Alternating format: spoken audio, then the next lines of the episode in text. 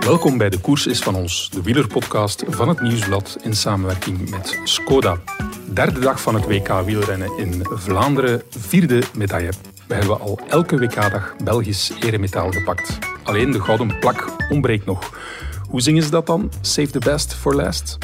In de tijdrit voor junioren pakte de 18-jarige Alec Segaard met 52 honderdste brons. Oef! Het goud was voor de Deen Gustav Wang. Hij reed 52,232 km per uur gemiddeld, alstublieft. Kian Uitenbroeks werd uiteindelijk zesde. Bij de junioren dames won de Russische Alena Ivanchenko. Onze landgenote Febe Joris werd knap negende, Marit van Hoven zestiende.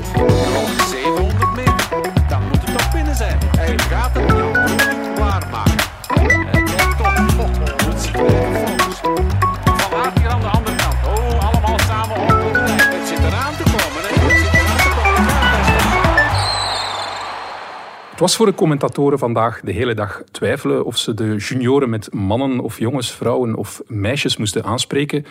Maar bij mij zit een man uit één stuk die het juniorenverzet al lang ontgroeid is, maar zijn beensnelheid niet heeft eh, verloren. Wielerredacteur Bram van de Kapelle. Dag Michael, Eh even een correctie. Het juniorenverzet is 52 maal eh 14. Ja, Eh, ik weet niet of dat zo vlot rond krijg, eerlijk gezegd. op de fiets. Eh, ik denk op onze fietsen dat er ook zoiets staat. eh, ja, inderdaad. Ehm, nee, ja, het was eh, tijdrijden voor junioren. Bijzondere dag. Hè. Eh, Jan-Pieter zei gisteren, junioren, eigenlijk zou men daar niet zoveel aandacht moeten aan besteden. Maar ik heb me echt wel geamuseerd, moet ik zeggen. Inderdaad, die kleine versnellingen.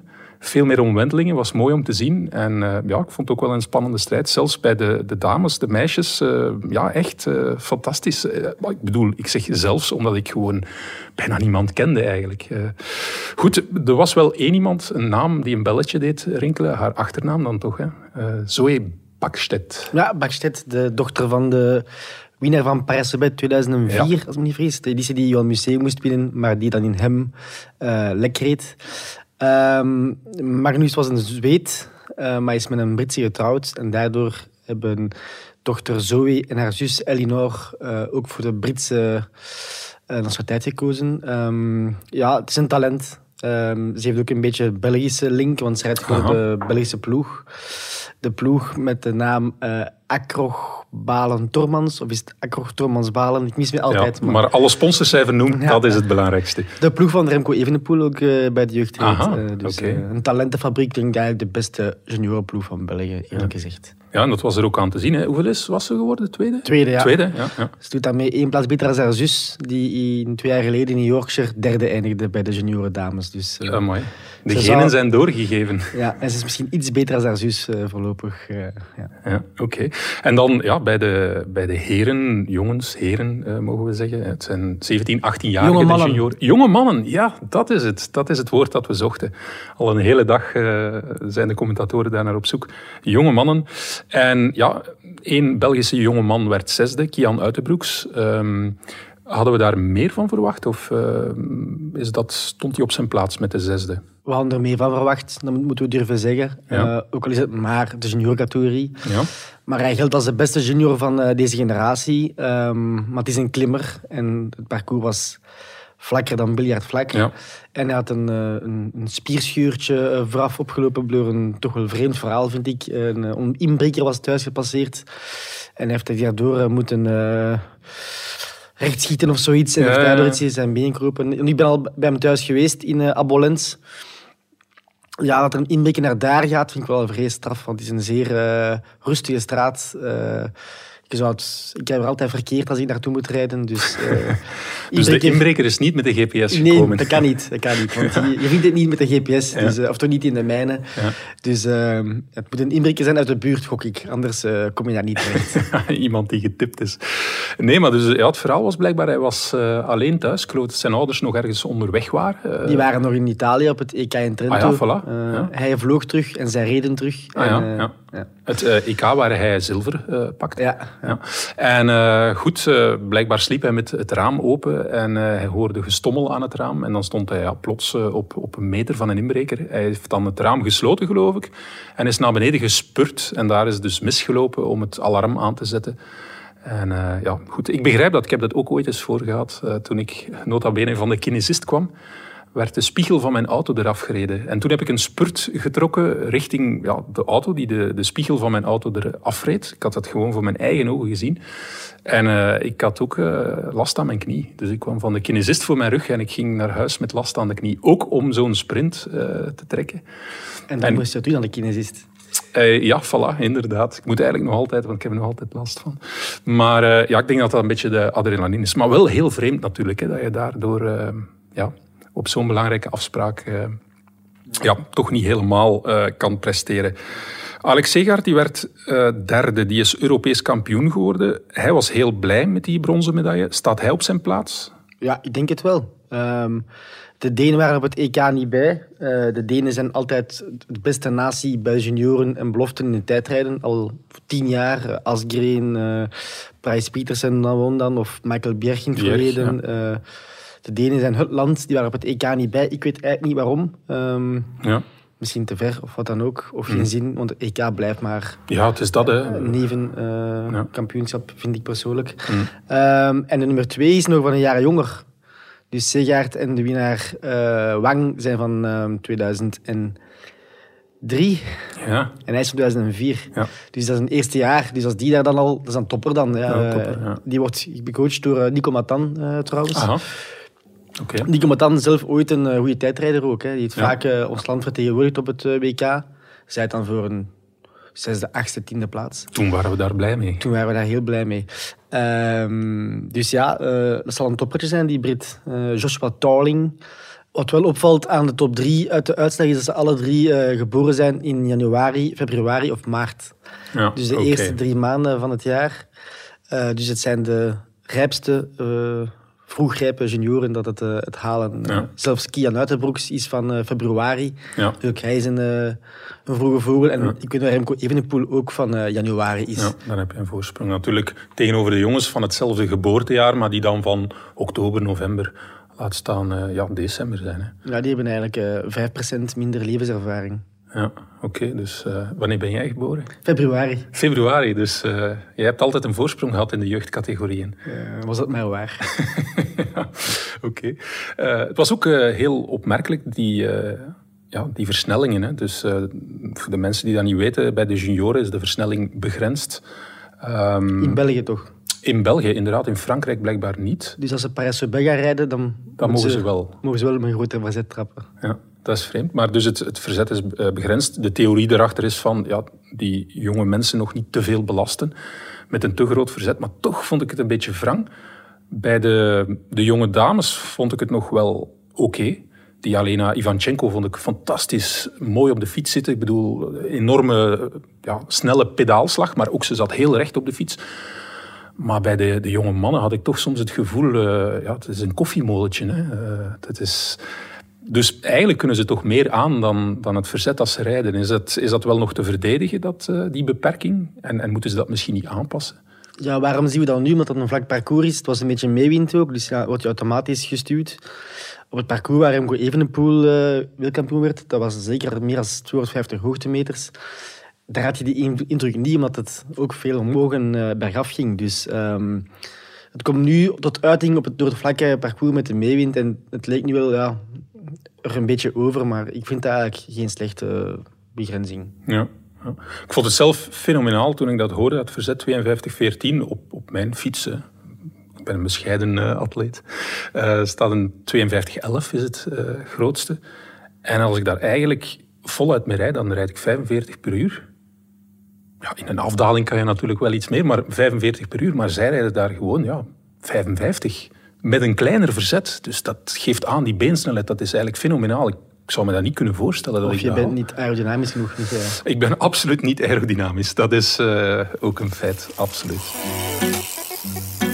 Goed. Um, misschien moeten we het over morgen al hebben. Ja, goed. Ja. Mixed relay. Mixed team relay, ja. Mixed team relay. Leg eens uit, wat in godsnaam voor een beest is dat? Dus um, de mannen vertrekken eerst met drie. Ja. Uh, en rijden nu, normaal is dat een rondje op het parcours, ja. maar nu is het, de tijdrit bevat geen rondjes. Ja. Dus ze rijden eigenlijk van um, Knokken naar Brugge.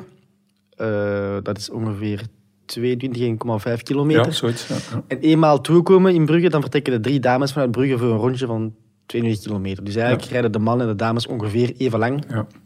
Het is eigenlijk een aflossing, eh, zoals we kennen van bij de atletieksport, van bij het zwemmen, eh, triathlon. Ehm, Moet er ook een stokje doorgegeven worden? Nee, denk ik niet. Dat denk ik ook niet. Ehm, maar ik vind het maar niks. Ja. Waarom vind je het niet? Het is toch ja, Ah, wel. innovatie? Bij de atletiek heb je, heb je, de, heb het duel, want daar lopen de landen tegen elkaar. Ja. Maar hier rijden ze gewoon op, op zichzelf. Ja. er zit wat tijd. Er is geen spankracht aan. En sowieso is het belang van de, van de betere dames te hebben veel groter dan het belang van de betere mannen te hebben. Want bij de dames is er veel meer verschil. Ja. Dus als je... Voor hen is die afstand ook langer, relatief gezien. Tuurlijk, Ja. dat duurt langer. En bij de dames is er een groter kwaliteitsverschil dan bij de mannen tegenwoordig. Dus heb je drie goede dames en drie middelmatige mannen, dan win je, denk ik. Maar heb je drie topmannen en drie middelmatige dames, dan doe je mee voor de prijzen. Ja. Dus dat vind, ik- vind ik eigenlijk al ja, niet goed en oneerlijke concurrentie. Ja. En het is ook gewoon niet mooi om naar te kijken. Ik vind het, eh, ik vind het echt, eh, echt... Ik heb het nog niet gezien, moet ik eerlijk Ah, bekennen. het zal een eerste keer zijn. Ik was er bij Yorkshire bij de eerste, eerste maal Mixed Team Relay. En toen was dat op het zondag. Dus begonnen de, het WK met die, met die opdrachten, die proef. Ja. En ja, dat was om echt om, om van te huilen. Eh, en nu is de UCI slim geweest, ze hebben het op woensdag geplaatst. En waarom doen ze dat? Want bij de eerste keer waren de toppers van de mannen, die deden er allemaal niet aan mee. Ja. Om die dachten, het is woensdag tijdrit of donderdag tijdrit, ik ga me sparen voor die tijdrit. Dat is veel belangrijker voor mezelf. Ja. Maar nu hebben ze die tijdrit al gereden. Dus wat, wat is het nu morgen? Doet Ghana mee met Italië, Ja. doen Koen en Bissiger mee met Zwitserland. Dus morgen zijn die toppers toch al in België. En dat zijn mannen die op de wegrit geen topfavoriet zijn. Dus die dan zich wel engageren voor die gaat mixed- zelfs niet rijden, de, de Voilà. wedstrijd. Maar die dus wel engageren voor die mixed team relay. Dus nu heeft het al een beetje meer ampleur gekregen, maar nog Ja. altijd... ehm, ja, Van Aert en Evenepoel doen niet mee bij ons. Dat, Nee. zegt al veel. Ja. En ik weet nog goed toen dat de Kampenaerts en Lampaard destijds ook al werden gevraagd om mee te doen. Maar die wouden niet. Ja. Omdat toen de Belgische dames, eh, dat dat niet de sterkste eh, afdeling was dat eh, startte. En ze zeggen, ja, waarom doen wij mee voor een eh, negende plaats? Maar dit jaar, wat het in eigen land is, hebben de Belgische dames starten eigenlijk met hun best mogelijke trio. eh, Lotto Kopecky, Jolien Doren en eh Sherry Bossuit. Ja. Het zijn drie pistiers ook. eh, die hebben de voorbije weken al vaak op getraind met drie. Eh, dus die hebben zich geëngageerd en nu willen Kampenaerts en Lampaard plus Ben Hermans zich ook engageren. Dus normaal moet België kunnen meedoen voor de medailles, maar de concurrentie is met eh, Italië, Zwitserland, Duitsland, eh, Nederland uiteraard. Denemarken misschien ook. Denemarken ook zeker eh, bijzonder groot. Ja. Ehm, maar ja, voor mij blijft het een schiet in een fles. Ja, oké. Ja, want ik wou net zeggen, het is geen verkeerd ploegje hè, met Kampenaars, Herman, Lampaard, Dore, Kopecky. Die hebben de individuele tijdrit laten schieten. Waarschijnlijk omdat ze hier meer kans hebben op een medaille. Ja, en in die tijdrit totaal niet. Nee, voilà. Ja. Ehm, dus eh, dat Lampaard en Kampenaars meedoen, is ook omdat dit eigen land is, denk ik. Eh, ze zijn een beetje aan hun stand verplicht om zich eh, te tonen. Had het EK in Slowakije geweest, eh zat het niet deelgenomen, denk ik. Daar ben ik bijna zeker van. Ja. We hebben net ook gehoord dat de koning komt kijken. In het kader van gender neutrality. Dus ja, het is het, het schijnt de enige discipline waar de koning komt kijken. Voilà. Dus hij vindt het wel wat, die mixed relay. Zegt veel over zijn koerskennis. Daar gaan we niet over discussiëren. maar het is wel een Vlaams WK, ook, dus geen Belgisch. Dus eh, wat de koning daar doet, dat Ja, vind ik eigenlijk eh, van geen koning, ja. Ja, misschien eh, had de Vlaamse minister-president moeten langskomen. Die zal wel nog ergens opduiken, denk ik. Zeg, eh, gisteren, ehm, ja, dan spreken we over maandag, hè, want mensen zullen dit op eh, verschillende tijdstippen beluisteren. Dan ben jij het parcours gaan verkennen. En als ik spreek over het parcours, dan gaat dat over het parcours van de wegrit. Ja. Eigenlijk het, het hoogtepunt tussen Antwerpen en eh, Leuven. En je hebt dat niet alleen gedaan, je hebt dat met ja, een topper gedaan. Hè? Met Jasper Stuyven, de man van Leuven, die het parcours in Overijssel al uit zijn duim kent. Ja. Ehm, ja, ik ben wel ehm, wat wijzer geworden, vind ik persoonlijk. Ja? Eh, Maak ons nu eens wijzer dan. Oh, jawel, iedereen praat over de Lus in Overijse en de Moskestraat en de Smijsberg. En... Maar die Lus gaat eigenlijk echt een nevenverhaal spelen in het... eh, Dus leg eens uit, hè, hoe is het parcours in grosso modo? Dus de start is in Antwerpen, dan rijden ze naar Leuven voor een paar plaatselijke ronden. Dan gaan ze naar Overijse voor één plaatselijke ronde. Terug naar Leuven, terug naar Overijse en op het einde weer naar Leuven. Amai, dat wordt ingewikkeld. Maar de laatste beklimming van bijvoorbeeld de Moskestraat is zowel bij de mannenprofs, eh vrouwenprofs als de mannenbelofte op eh 66 kilometer van de streep. Ja. De Moskestraat, dat is die fameuze straat die heel stijl gaat. Die steile kasseiling in uh, Met kasseien. Interlalen uh, nabij Overijse. Dat is, ja, dat is op zich de zwaarste helling van het, uh, van het parcours. En het meest iconische op dat vlak. Maar die, ja, dat wordt gewoon een... Um, Schit in een fles. Ook weer een schit in een fles. Allee, er wordt op gekoerst en er kan misschien een schifting plaatsvinden. Maar het heeft qua waarde heeft het hetzelfde als de muur van Geersberg de voorbije jaren in de Ronde van Vlaanderen. Uh, het is mooi om over te rijden, maar de winnaar zal daar niet vooraan rijden. Uh, dus, dat is, dat is, dus, iedereen praat over de Lus in Overijse en omstreken, maar eigenlijk is enkel de Lus in Leuven um, bepalend voor het uiteindelijke scenario van de wedstrijd. Ja.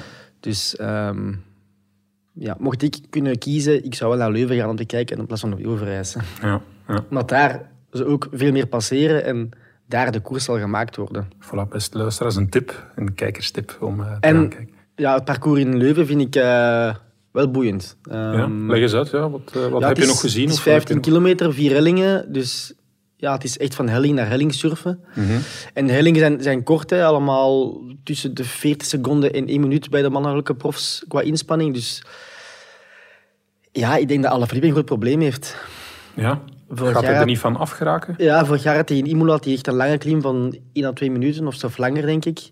En daar kon hij dan um, wegsnellen met zijn watt per kilo met zijn explosiviteit. Ja.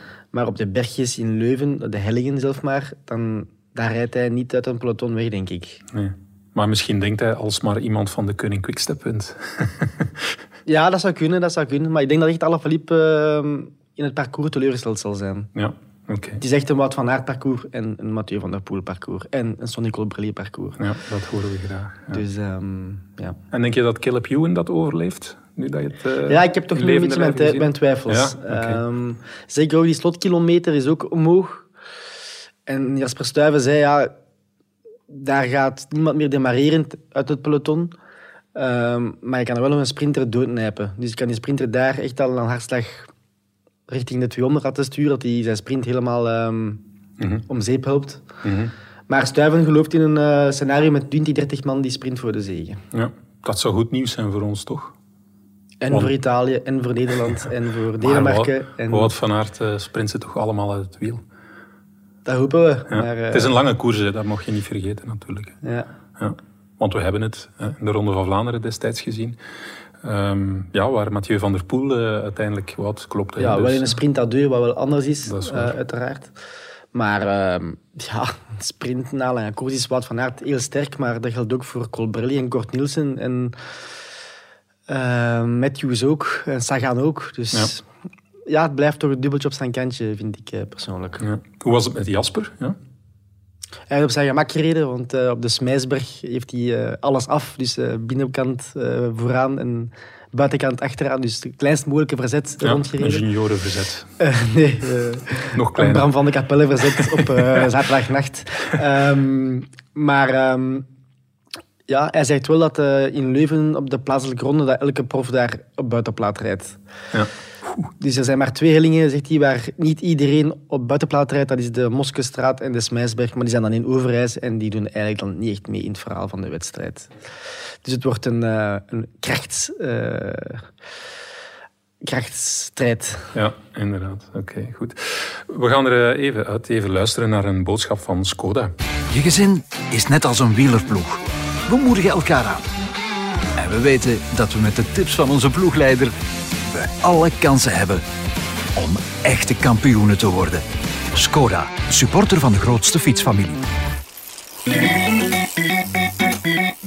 Goed, we hebben het eigenlijk al een beetje gedaan uh, met de parcoursverkenning, maar uh, we gaan hier elke dag vooruitblikken natuurlijk op het hoogtepunt van dit WK, de wegrit van komende zondag van Antwerpen naar Leuven. Dus ook sportief. Hè. En dat gaan we nu even doen. Vandaag zou normaal, of is er gereden uh, GP Denij. Ik zeg normaal, normaal gezien had jij daar moeten zijn, Bram van de Kapelle. Waarom ben je niet gegaan? Omdat ik niet meer moest van mijn chef. Ja. nee, normaal zou Mathieu van der Poel daar zijn laatste um, WK-voorbereiding uh, Ja. afwerken. Maar hij startte niet en ik had toch nog wat werk met mijn eh, verkenning eh, uit te werken Ja. met Jasper Stuyven. Dus heb ik eh, vriendelijk gepast voor een tripje naar Noord-Frankrijk. Ja. Ehm, ook al dat ik hier moest zijn, of Voilà, mocht zijn, of mag zijn, of wil zijn. Ehm, dus ik was er wel niet. Ik heb wel eh, met een half oog de eh, wedstrijd gevolgd. Ja. En? En Philipsen wint alweer Goh, die is goed bezig. Hè? Drie bezig. koersen op. Ja. op eh, vijf dagen, denk ik. Ja. Ehm, ja, straf. Ja. In de Belgische zegenstand eh stijgt hij naar plaats drie. Als we kijken naar het eh, internationaal vlak, staan er eigenlijk drie Belgen bij de eerste zes. Ja. Dus Van Aert op 1 met 13 zegens. Daartussen eh Roglic, Pogacar en Cavendish. En dan Merlier met 9 stuks en Philipsen met 8 stuks. Ja. Dus België eh, doet het zeer goed eh, qua zegens in de wereld.